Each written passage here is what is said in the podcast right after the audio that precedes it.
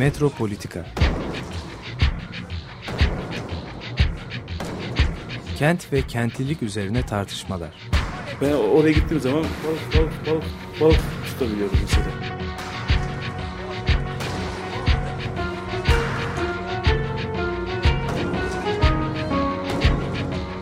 Hazırlayan ve sunanlar Aysim Türkmen ve Deniz Gündoğan İbrişim. Kapışıyor yani. Kolay kolay boşaltamadı. Yani elektrikçiler terk etmedi Perşembe Pazarı merkezini.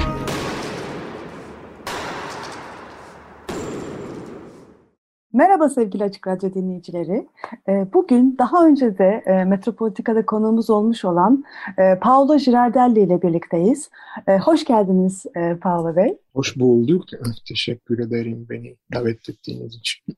E, Profesör e, Paolo Girardelli, Boğaziçi Üniversitesi Tarih Bölümü e, öğretim e, üyesi. E, kendisi e, son dönemde aslında Tarih Bölümü e, başındaymış da e, son döneme kadar.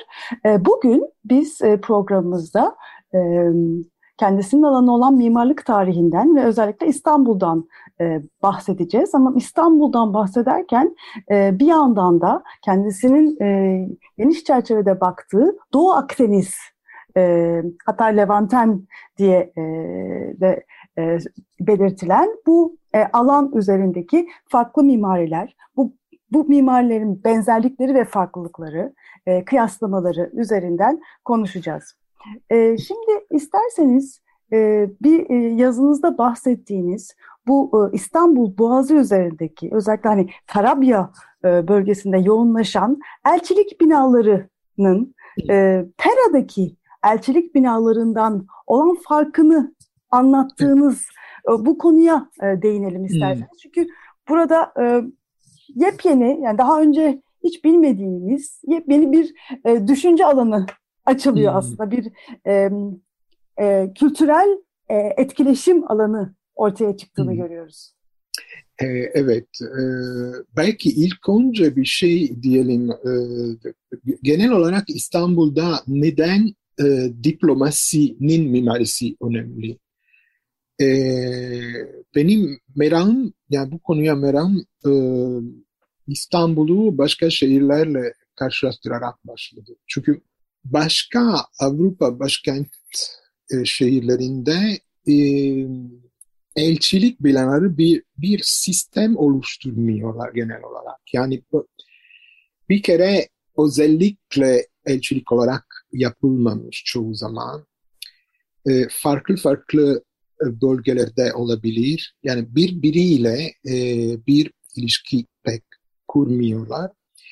E, bu kadar anıtsal da anıtsal olmak zorunda değil e, elçilik binalar. Bu, bu kadar e, göze çarpan binalar değil. O zaman neden İstanbul'da bu kadar farklı bir durum var diye. Bu öyle başladı benim araştırmam. Bir de İstanbul'da bu çift e, sistem var. Yani bir Pera'da, Beyoğlu'nda ve Boğaz kıyılarında. Yani bütün bunları e, anlamak için biraz süreç önemli. Yani nasıl, zaman içinde nasıl değişiyor bu e, diplomatik binaların imajı ve tarzı.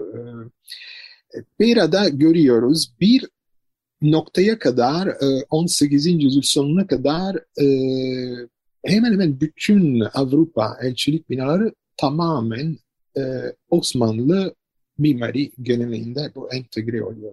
Osmanlı ahşap konak e, içinde Fransız Büyükelçi, e, Venedik'in bailosu, e, İngiliz e, İngiliz e, temsilcisi yani tamamen Osmanlı e, mimari kültürüne ait binada oturuyor.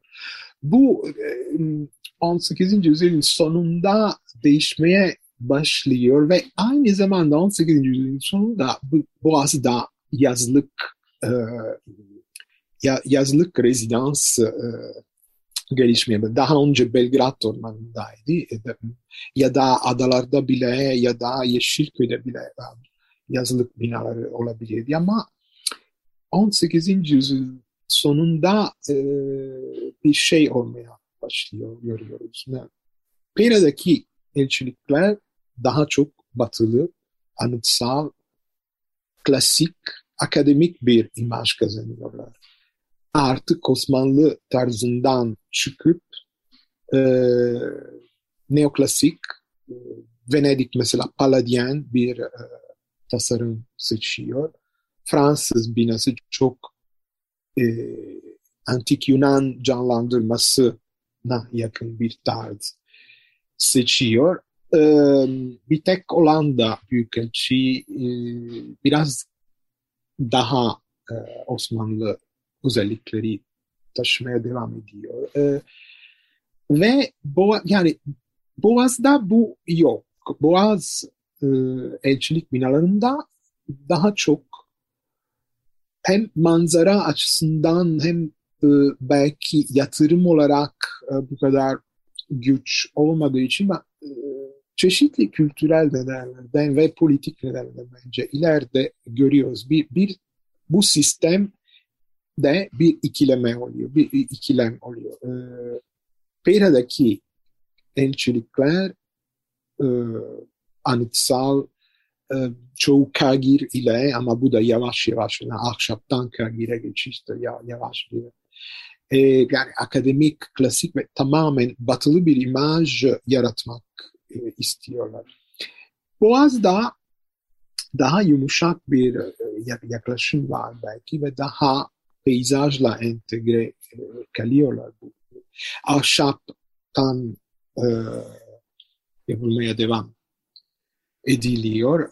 E, neden? Bu birçok neden e, olabilir. Bence benim yazımda e, yaptığım hipotez e, bu bir bir iletişim e, stratejisi. Bir, bir diplomatik tam yani diplomasi bir çeşit e, tiyatrosal bir bir yani bir belli bir protokola ama belli bir performansa bağlı bir, bir faaliyet.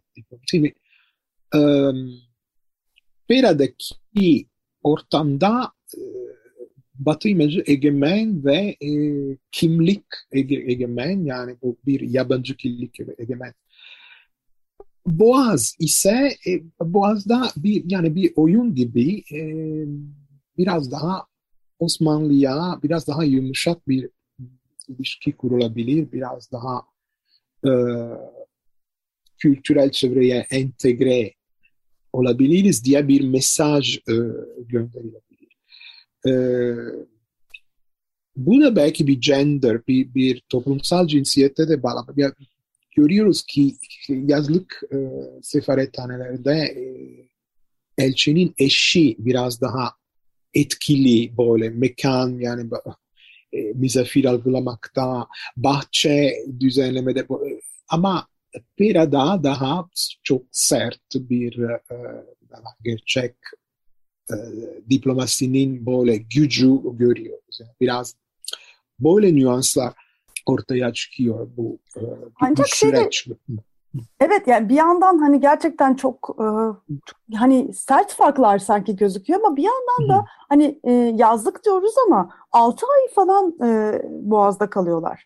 Yani e, bugünkü yazlık gibi 2 ay evet, ya da bir ay evet. değil yani çok uzun süreler aslında yılın yarısını yani yaşamın yarısını aslında Boğaz'da hmm. geçiriyorlar ve dolayısıyla hani hem kendileri böyle Boğaz'da farklı bir şeyin parçası oluyorlar ama bir yandan da bunu üretiyorlar ve ortak bir Boğazlılık da aslında gitgide daha da artan e, zamanlara yayılan yani 6 ay dediğiniz belki daha da fazla çünkü Boğaz yerleşim alanı olmaya başlıyor buharlı gemilerle e, hmm. şirkatlarıyla değil mi? Gitgide artan bir şekilde bir Boğaz'da e, hani daha farklı bir yaşam oluşuyor. E, evet, e, yani yazlık derken e, tatil için düşünmemek lazım. Çünkü Mayıs'tan Mayıs'tan Kasım'a kadar genelde bütün korp diplomatik Boğaz kıyılarına taşınıyordu. Bu da biraz Osmanlı bir adet yani 18. yüzyıldan başlayan bu göç kavramı Osmanlı elitler de öyle yaşıyorlar.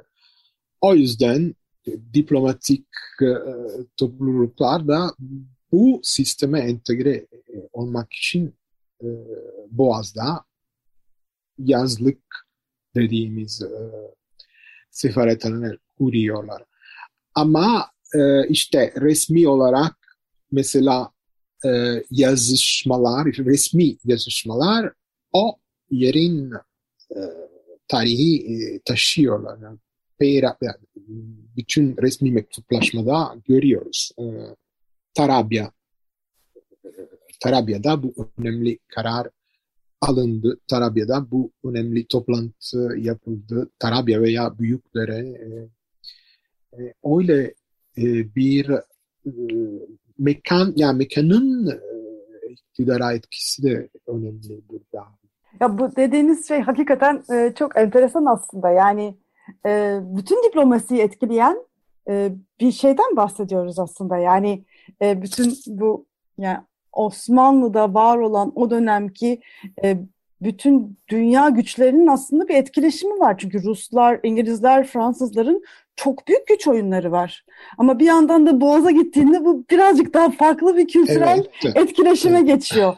Yani gerçekten e, çok hani başlı başına insanın ilgisini çekebilecek belki daha da e, uzun hmm. vadede hmm. çalışmayı istet, istetecek bir konu. Çünkü bir, e, evet. bir daha var hani benim daha çok e, şimdiye kadar baktığım e, bir iki programda da bahsettiğimiz yani bir yandan hani e, bahsettiğin sonuçta elçilikler şeyler tabii şey e, yani elit bir kültürden bahsediyoruz. Yani evet. üst düzey bir kültürden bahsediyoruz. Hmm. Ama e, yani işte bu e, yazlık saraylar yani sarayın sarayları ve işte kızları, e, kadınları, saray kadınlarının yaptırdığı şeyler. Ama bir yandan da şey de var yani Osmanlı toplumundaki e, orta sınıf, alt sınıf gruplar da Boğaz'ın çeşitli yerlerinde sürekli farklı mekanlar yaratıp işte pazar gün pazar kurulduğu günler oralara gidiyorlar. Yani böyle bir e, enteresan bir interaction, enter, e, etkileşim birbirleriyle en azından hani kayıklar arasında görüşme, bir şey yapma. Böyle bir yani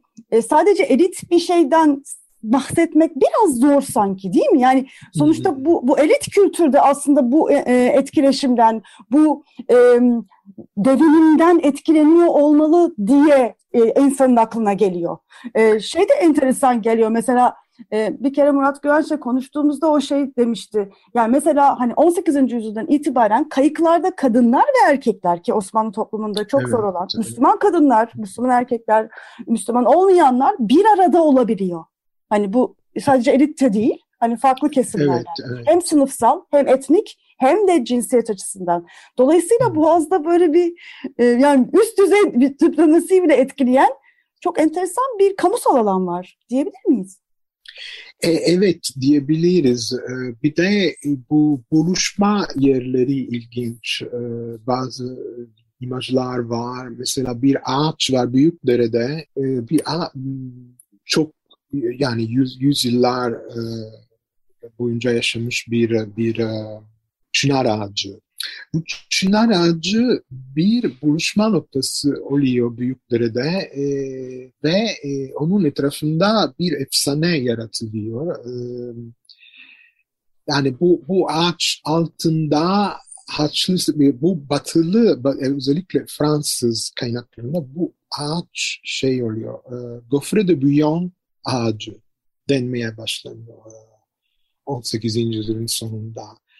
Yani buradaki e, Fransızlar ve Levantenler bir gelenek yaratmaya çalışıyorlar. Bir e, böyle e, mekanda bazı yerlere özel bir anlam vermek istiyor. Bu ağaç işte Gaufret de Bouillon on, e, 11. yüzyılın sonunda 11. 11. yüzyılın 12. başında bu İstanbul'dan geçerken e, orduyla Haçlı seferleriyle Haçlıların ordusuyla orada beklediği böyle İstanbul'a izin yani İstanbul'a Bizans İmparatorluğu izin beklerken o ağaç tarafından e, ve böyle bu e, bunun gibi açık e, açık mekanlar var ve e, her e, toplumsal sınıf için her işte cinsiyet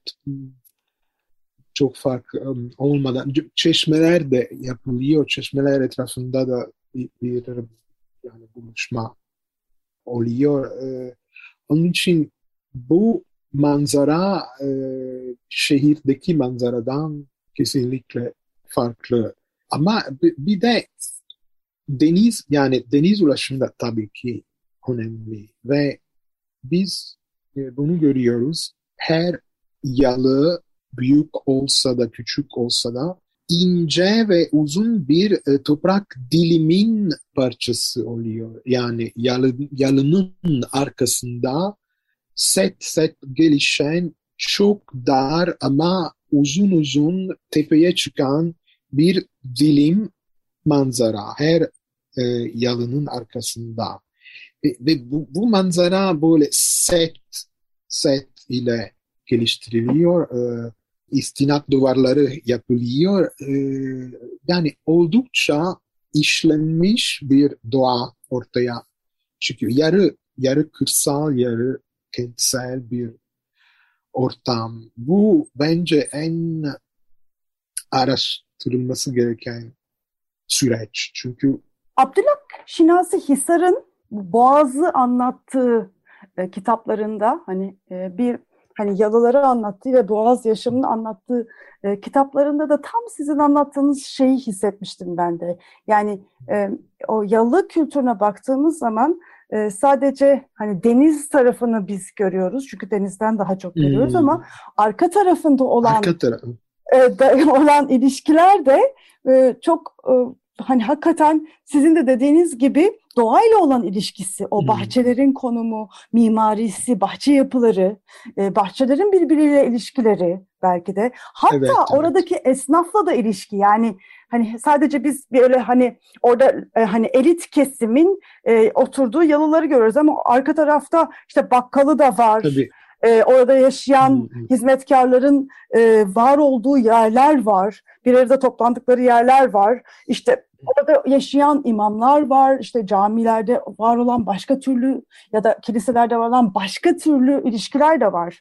Yani Boğaz dediğimiz zaman bildiğimizden daha karmaşık bir şey e, evet, evet. kesin. Yani e, Boğaz'da gelişen e, mimari imaj bir şerit yani bir ince bir çizgi e, diyebiliriz ama arkada yani her e, evin arkasında bu e, bu da yani bir, bir bahçe gelişiyor ve bahçe e, estetik anlayışında değil de e, üretim için daha çok.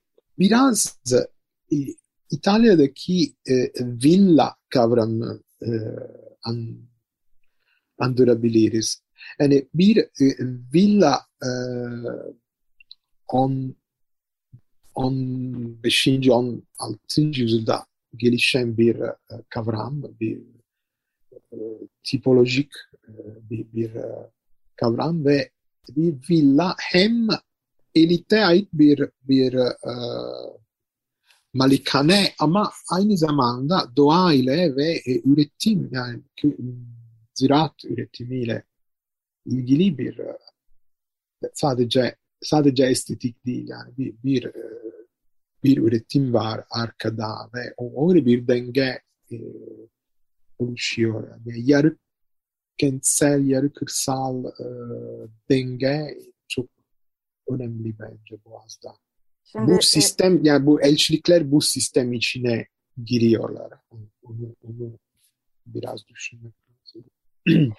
belki bir, bir parantez açıp e, bu şeyde söylemeden edemeyeceğim. Çünkü yani Osmanlı'daki bu su üzerinde olmaya başlayan elit kültür yani işte mesela Levni'nin sunnamesinde gördüğümüz e, bu evet. e, 3. Ahmet'in e, oğullarının sünnet düğününün suyun üstünde yapılması e, bu da İtalya'daki özellikle Venedik aslında İtalya'da bebek o anlamda doğru olmaz. Değil mi? Venedik'teki o sudaki eğlence, işte performans, anıtsal e, varoluş biçimleriyle de mutlaka etkileşimde olduğunu bana düşündürtüyor. Böyle şeylerde okuduğum için de değil mi? Yani sonuçta evet. Osmanlı'daki bu su hani yalı kültürü şey de mutlaka Venedik'le özellikle Venedik'le yani İtalya'nın başka taraflarını bilmiyorum ama Venedik'le bir ilişkisi olduğunu düşünüyorum. Bir de Venedik'te zaten tam da o bahsettiğimiz oranda İtalya'da değil değil mi? Yani birazcık oradan da farklı bir şey de var değil mi? Yani Venedik daha bağımsız bir yerde de duruyor aslında o anlamda da.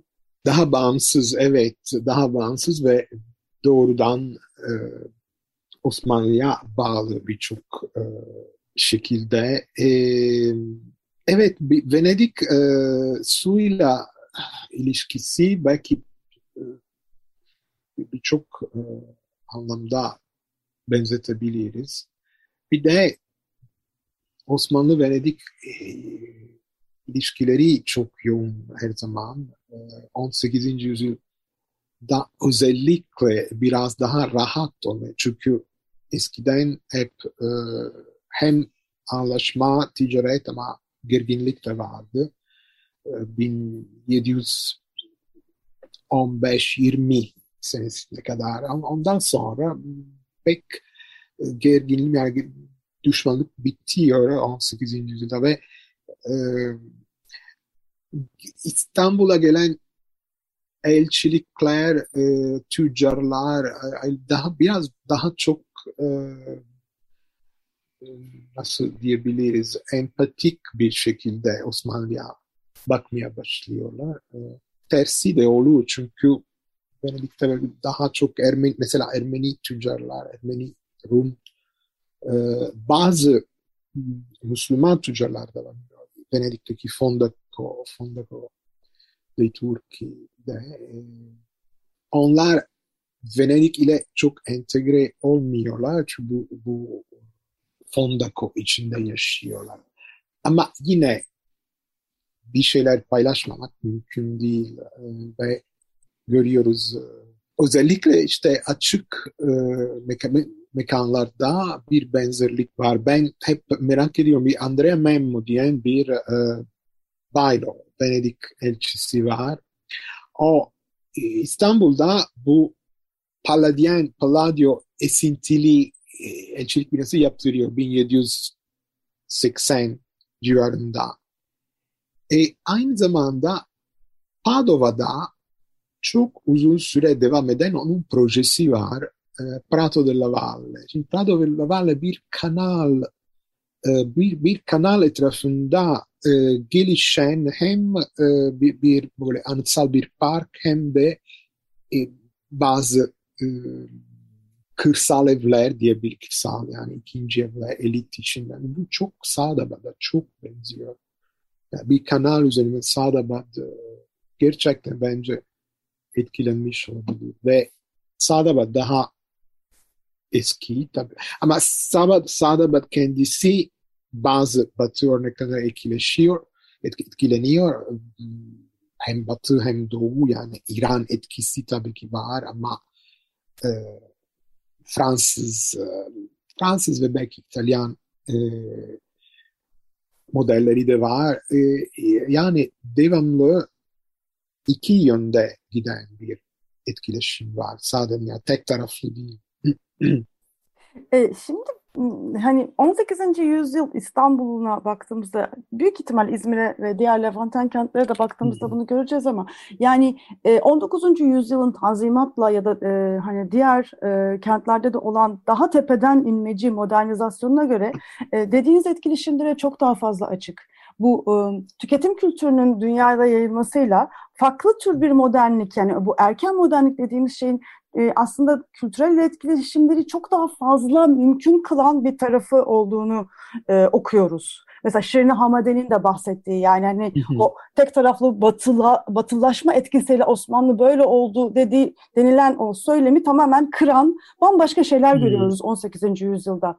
Ya bir şekilde sizin söyledikleriniz de aslında bu bu böyle tür bir modernleşmenin 19. yüzyılda da devam ettiğini daha çok Boğaz'da hissedebiliyoruz gibi bir şey uyandı. Ne dersiniz? Hani böyle bir şey söylemek e, uygun olur mu? Hmm.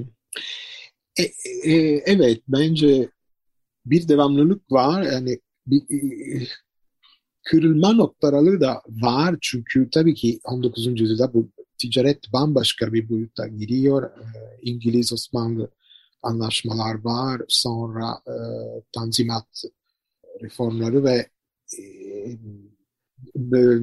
denizcilikte, denizcilikte yaşanan devrimde de, denizcilikte yaşanan devrimle de çok e, büyük bir bir, bir, bir e, kitlesel bir bir değişim var. Yani rakamlar çok artıyor yani. E, ve toplum daha çok da, daha çok farklı yerlerde yaşamaya e, başlıyor. Hem vapur yüzünden hem de tren ve, ve demir, yol, demir yolları yüzünden. O zaman mesela Yeşilköy, Santo Stefano bir e, yeni bir yerleşim olarak gelişiyor. Moda'da Levantenler, Avrupalılar. E, Boğaz'da sadece mevsimsel değil de e, yıl boyunca da e, yaşamaya e, başlanıyor. Ama bütün yani bu süreçlerin temelleri 18. yüzyılda görebiliyoruz. Yani o, o değişim olmadan ve bütün açılım olmadan bu Şirin Hamade'nin kullandığı çok önemli bir e, kavram var Fransızca bir ve dekloisonnement. E, yani bir açılma, bir böyle sınırları kırma. E, o, o çok önemli çünkü e, 16. 17. yüzyıl düşündüğümüz Osmanlı şehri biraz böyle mahalle mahalle içe kapalı ve e, şimdi bu e, su üzerinden de özellikle yaşanan e, yepyeni bir bir açılma, deklazonma Ve çok çok güzel gidiyor sohbetimiz. Çok kısacık bir müzik arasıyla evet. e, şimdi devam edeceğiz. Profesör Paolo Girardelli ile özellikle İstanbul'daki elçilik mimarisini konuşuyoruz. E, bu bölümde İstanbul üzerinden ve Boğaz e, mimarisi üzerinden, Boğaz'daki kültürel etkileşim üzerinden konuştuk. E, müzik arasından sonra da e, e, İstanbul'un dışındaki Doğu Akdeniz'deki farklı kentlerde e, bu Levantan kültürünün nasıl yaşandığı ve kıyaslamalarını konuşacağız. Şimdi Celal İnce'den Sana Nereden Gönül Verdim adlı parçayı dinliyoruz. Evet, sana nereden gönül verdim? Celal İnce'den dinledik. Paolo Girardelli, Profesör Doktor Paolo Girardelli ile sohbetimiz devam ediyor.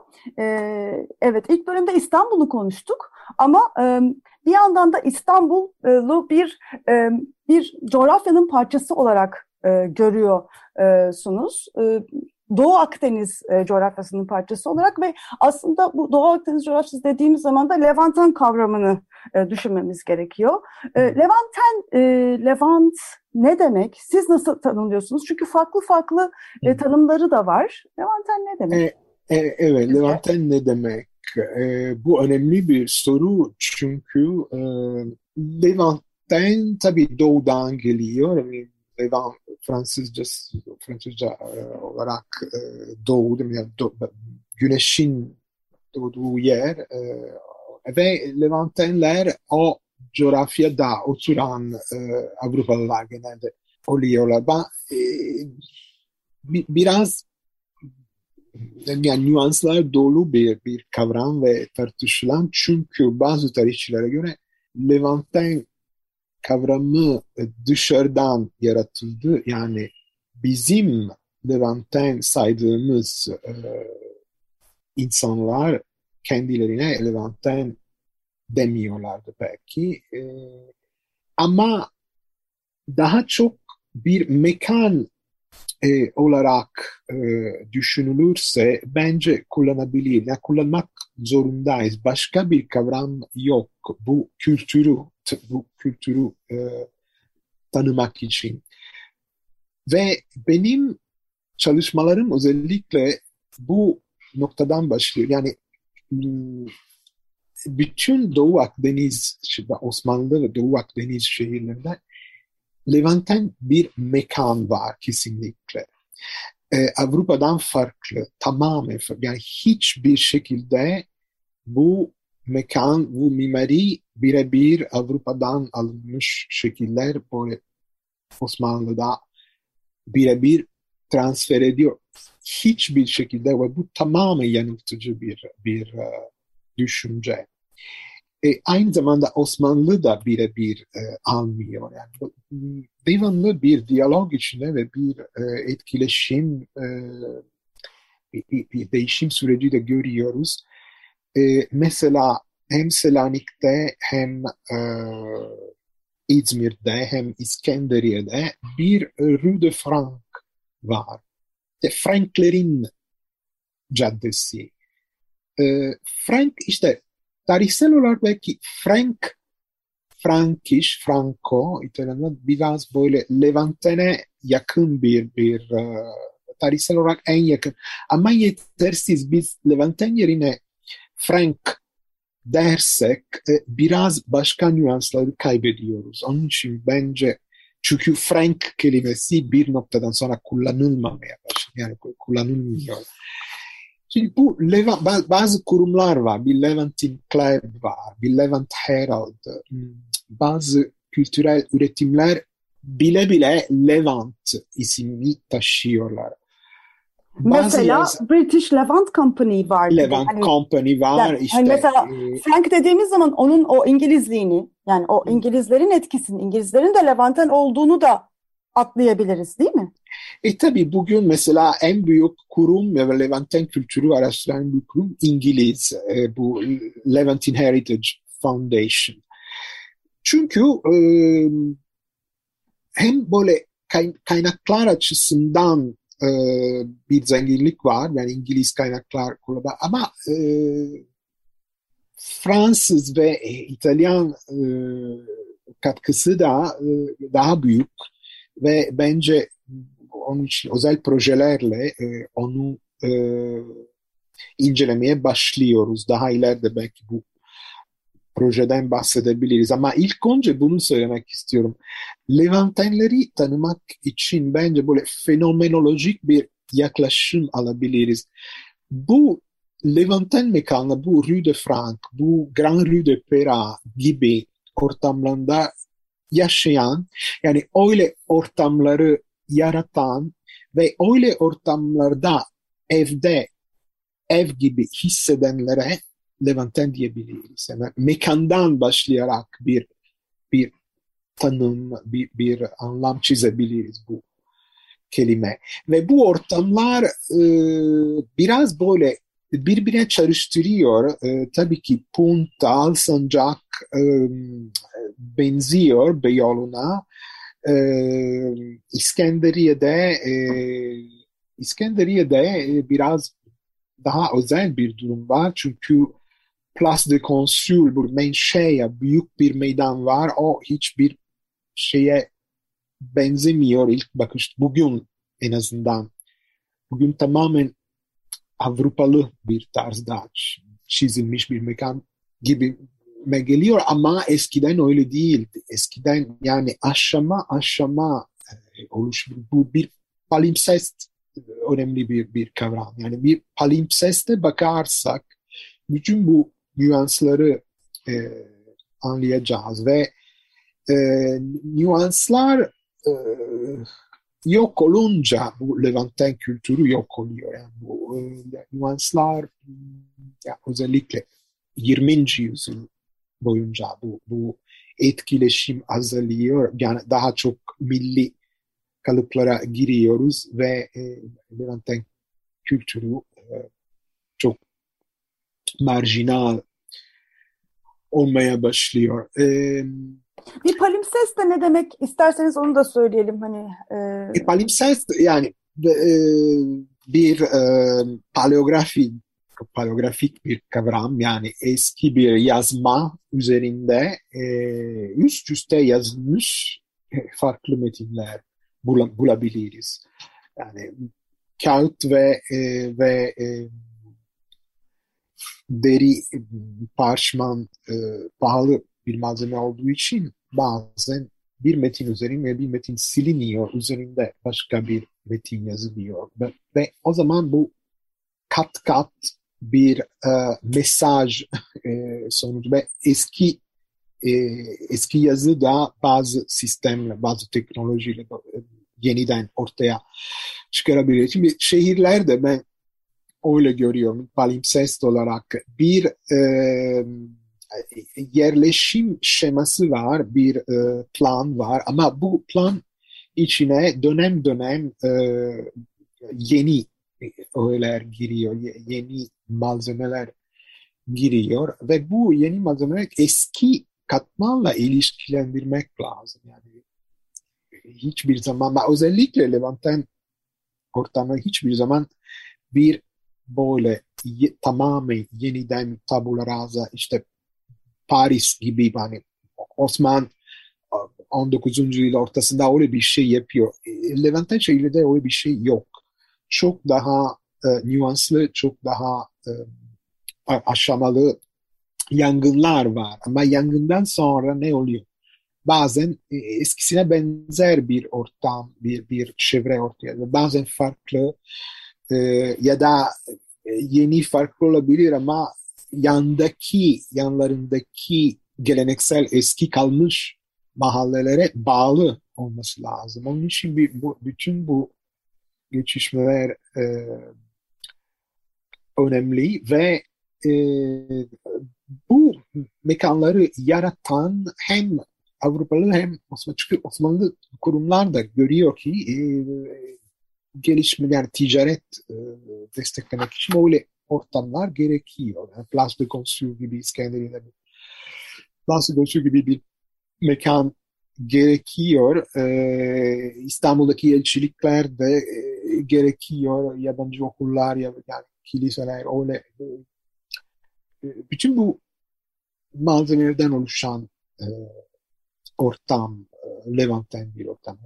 Levanten mimarisi dersek, eğer Levanten mimarisi böyle bir yani Osmanlı bir DNA'den başlayarak farklı yani Avrupalı bir e, toplum için e, yaratılmış bir mimari. Ama o da değişik yani Avrupalı olmayan biri de öyle bir mimari kullanabilir. O çok net bir bir uh, kategorizasyon gerek yok. Yani bu geçişken mekanda gelişen mimari e, Levanten ve hem e, Osmanlı özellikleri hem Avrupa tarzları e, malzemeleri ya da düzen yani mekan düzeni bir araya getiren mimari Levanten ve bence bu ileride bir e, karışım olan yani hibrit bir şey olarak e, görüyoruz ama ileride belki tam e, kendine özgü bir bir tarz olarak görebileceğiz. Şimdi burada tabii bir yandan Osmanlı mimarisiyle siz karşılaştırıyorsunuz ama bir yandan da kolonyal mimariyle de karşılaştırıyorsunuz e, bazı yazılarınızda. E, bu da çok enteresan e, bir başka bakış, bakış açısı. E, yani benzerlikler olduğu kadar da, belki daha fazla farklılıklar oluyor değil mi? Bu kolonyal evet, mimariden kolonyal... de özgün bir şey var. Evet yani kolonyal mimarisi derken daha çok dediğim e, birebir e, transfer, birebir taşıma yani kolonyal mimarisi işte Cezayir'de görüyoruz mesela e, Cezayir'de e, kazma, geleneksel e, yerleşim, geleneksel kalıyor ve onun yanında tamamen Avrupa tarzında tamamen Fransız özellikleri taşıyan bir e, kolonyal şehir gelişiyor. Bu bu ikilem Osmanlı'da hiç yok. Osmanlı ve Levanten kültürü tamamen bu ikilemi, ikilemi kıran bir uh, süreç, bir, bir uh, olgu. Uh, ama tabii ki e, istisnalar var. E, bazı e, hem Beyoğlu'nda hem İzmir ve İskenderiye'de özellikle bazı e, kurumlar özel olarak kolonyal bir imaj seçebilirler ya da yaratabilirler. Saint Antoine Kilisesi bana göre daha kolonyal bir bir e, yapı e, çünkü tamamen böyle e, İtalyan bir milli uslupta tasarlandı. Giulio Mungeri zaten İtalya'da bu milli uslup e, kuramcısı olan e, Camillo Boito'nun öğrencisiydi. E, buraya gelip bu ortaçağ e, canlandırma milli tarz yani milli üslup olarak uyguluyor Saint Antoine Kilisesi'nde. Şeyi nasıl Ama, değerlendirirsiniz? Ee, bu nasıl? modadaki modadaki e, Vitol'lar ve e, işte Jiro'lar, e, Tubini'lerin o, o mimari e, Levanten diyebilir miyiz yoksa kolonyal diyebilir miyiz? Ne derdiniz? E, bence daha çok Levanten diyebiliriz. Çünkü e, bazı yerel özellikleri mesela Jumba gibi e, öğeler e, ya da iç mekanın e, düzeni böyle bir orta e, mekan etrafında düzenlenmiş odalar. E, malzemeler de bazen yerel, bazen e, ithal ama belki ise daha resmi binalar daha kolonyal bir imaj sahibi olabilir. Kiliseler belki böyle neogotik kiliseler. Ee, ama onun dışında işte bütün çevreye bakarsak, e, yerleşime bakarsak moda e, kesinlikle bir Levanten yerleşimi. Ee, bir de e, programın sonuna geliyoruz. Çok güzel, çok keyifli akıyor. Hani İstanbul'u yeniden sanki görüyoruz e, sizin anlatımınızla. Ama bir projeniz var. Bu projeyi de mutlaka dinlemek ve dinleyicilerimizle buluşturmak isteriz. Evet. Son dönemde uğraştığınız bu projeyi biraz bize de açar mısınız? Evet, şimdi proje aslında şimdi oluşuyor. Ee, bir database oluşturma, bir veri tabanı oluşturma programı. Nasıl bir veri tabanı?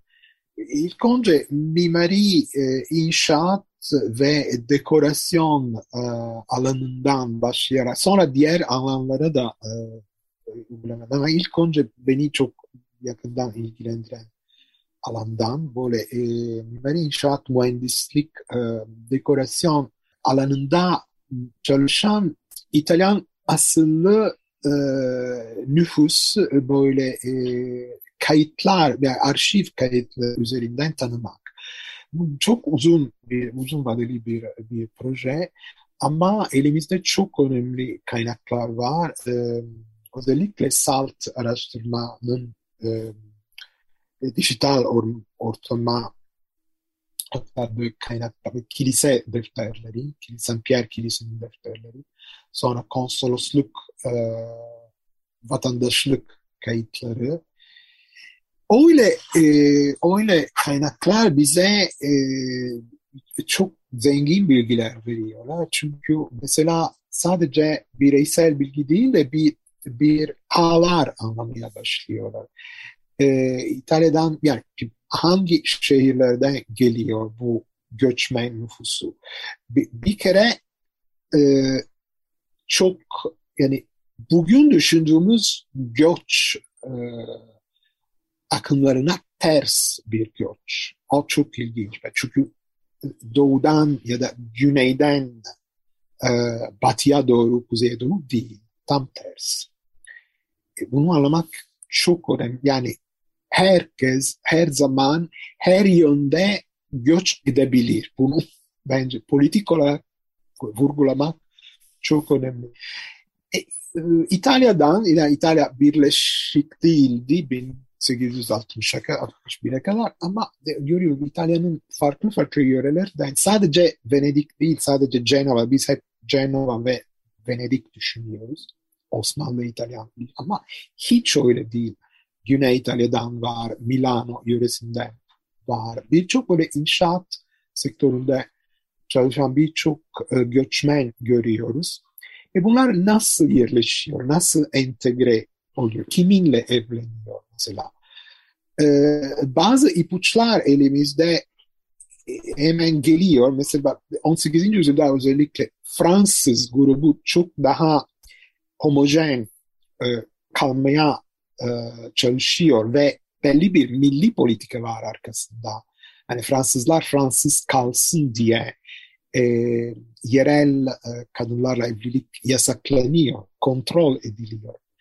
Şimdi İtalya'da öyle milli güçlü bir politika olmadığı için bunu görüyoruz. Mesela İtalyanlar hemen Rumlarla e, karışıyorlar. Karma evlilikler oluyor. E, bütün bu, bu kayıtlar şimdi bugün mesela neden e, İstanbul'da kalmış e, gerçek İtalyan Levantenlerin e, çoğu e, Yunanca konuşuyor. Hatta İtalyanca Rum aksanı, Yunan aksanıyla konuşuyor. Bu, ne, bütün bu e, süreci e, çok yakından izleyebiliriz bu kaynaklar. Ama bir işte bir ekip, küçük bir ekiple başladık. İki çok yetenekli e, öğrencim, e, master öğrencim ile başladık. Ama bu yani gelişecek daha geniş bir kapsamlı olacak.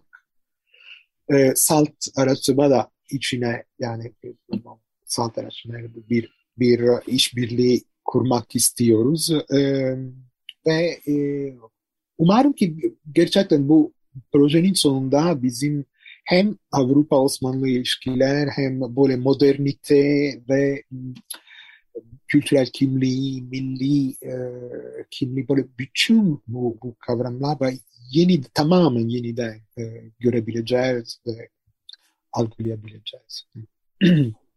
ve daha çok e, şey 19. yüzyıl üzerinden Şimdi kaynaklarımız evet 19'un 18. yüzyıl sonu 20. yüzyıl başına kadar yani bu uzun 19. yüzyıl denen bir kronolojik kavram. Ee, tabii ki çok farklı e, manzaralar çıkıyor. Kim, ne zaman, kaç kişi göç etmeye başlıyor. Bir taraftan nesiller boyunca İstanbul'da, Galata'da oturan İtalyanlar var. Ee, o bir taraftan kim, ne zaman, nereden e, gelmeye e, başlıyor. Dalgalar var. Napolyon Napolyonik dönem savaşlar yüzünden bir göç var. Ondan sonra e, Risorgimento başlarken işte politik nedenlerle gelen İtalyanlar olmaya başlıyor. 1820 civarı, 1830-31 civarı ve 1848 özellikle e, politik nedenlerle iltica eden, Osmanlı'ya iltica eden e, milliyetçi İtalyanlar diyelim. Yani bir, bu birleşim için e, uğraşan ve hem Avusturya hem e, Papa devletinden e, dışlanan ya da mahkum edilen e, İtalyanlar iltica ediyorlar. E, ondan sonra hem işte hem bir çeşit profesyonel kısım var, mimarlar, mühendisler hem de e, tamamen işçi sınıf var. E, Amerika'ya göç etmeden önce e, İtalyanlar Doğu Akdeniz'e de göç ediyorlardı ve bir topluluk, bir, bir e, dernek var, Società Operaia İtalyana. Onun arşivi de çok önemli. Onu da kullanacağız bu, bu projede. Società Operaia İtalyana, İtalyan İşçi Yardımlaşma Derneği.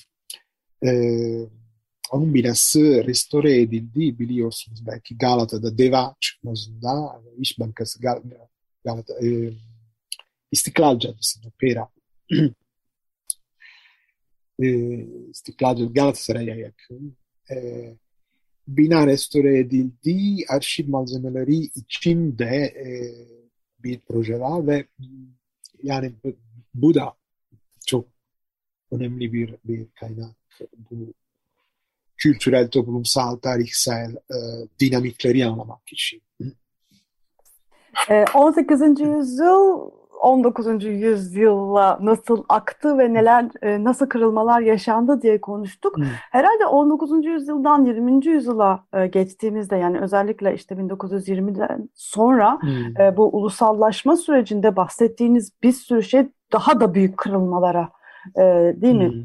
E, kırılmaları evet. tecrübe etmeye başlıyor ve e, bu bahsettiğimiz bu Levanten kültürü çok ağır darbeler alıyor. Yani bir yandan bu etkileşimlerin e, o süre gelmesi çok zorlaşıyor çünkü milli kimlikler e, daha güçlü bir şekilde e, tepeden e, etkile etkiliyorlar, etkilemek üzerine e, güç kullanıyorlar, hegemonik güçlerini kullanıyorlar. Hmm. Ee, evet, e, Cumhuriyet döneminde e, İstanbul'daki ve yani bütün Akdeniz'deki İtalyanlar bir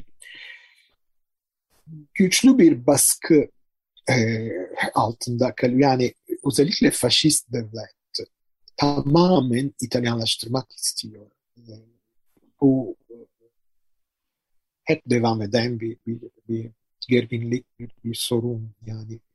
E, İtalyan olmak e, ne demek? Sadece İtalyan vatandaşlık e, yani pasaport taşımak değil, İtalyan olmak e, faşist değerleri benimsemek ve faşist kültürüne Mussolini'ye sadakat geliştirmek ve bütün bunlar çok zor. Yani burada, yani İstanbul'da. Özellikle neden? Çünkü özellikle politik göç geleneği var. Yani oldukça cumhuriyetçi hatta anarşist bir akım var bu İstanbul'a gelen, İstanbul'a ve İskenderiye'ye giden e, göçmenler arasında oldukça işte demokratik, liberal, e, sosyalist, e, hatta anarşist akımları görebiliriz. Şimdi aniden bunun üstüne faşizm geliyor. Bu çok enteresan ve tabii çok e, karışık bir süreç. E, Francisco Pongilupi adlı bir, bir genç araştırmacı bunu incelediği bu, çalışmaları bazı yayınlandı. Belki Türkçe'ye de yani. E, yani faşist döneminde mesela Casa d'Italia diyen bir bugünkü İtalyan Kültür Merkezi Casa d'Italia e, yeniden dekore ediliyor. Faşist tarzında. Yani girince hemen onun tarihsel fotoğraflarımız var. Ee, hemen böyle faşist imgeleri, fascio e, görüyoruz. Çok yani Mussolini portreleri vesaire. Ee, verilen eğitim yani buradaki İtalyan okullarda verilen eğitim de böyle faşistleşiyor. Yani her şey e, buna bağlı. Ee, ondan sonra Türkiye tarafından da tabii ki baskılar var. Ee, küçük mıskıklar e, yasası sonra e, tabii 6-7 Eylül olayları e, tabii ki çok e, e, kaçınılmaz bir bir bir böyle millileşme sürecinde bu gruplar ve maalesef bu, bu Levanten kimliği devam ettiremiyor.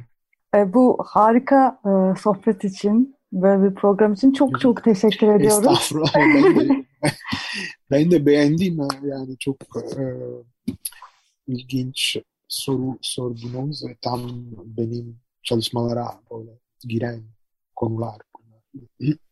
bildiğimizin e, çok genişliğinde, çok daha genişliğinde e, ve bildiğimizden çok farklı bakış açısı, yani yaşadığımız e, mekanla bambaşka ilişki kurma imkanı sağladınız. Çok teşekkür ediyoruz sevgili Paolo Ben teşekkür ederim. Evet, Profesör Doktor Paolo Girardelli, Boğaziçi Üniversitesi Tarih Bölümü öğretim üyesi ile olan e, programımız burada sona eriyor. Size iyi haftalar diliyoruz. İyi haftalar.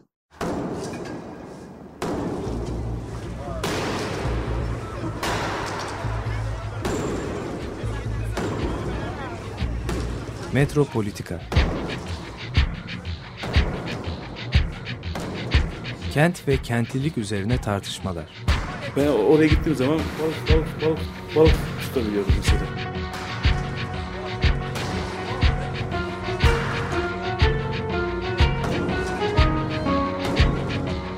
Hazırlayan ve sunanlar Aysim Türkmen ve Deniz Gündoğan İbrişim. Elektrikçiler terk etmedi Perşembe Pazarı merkezini.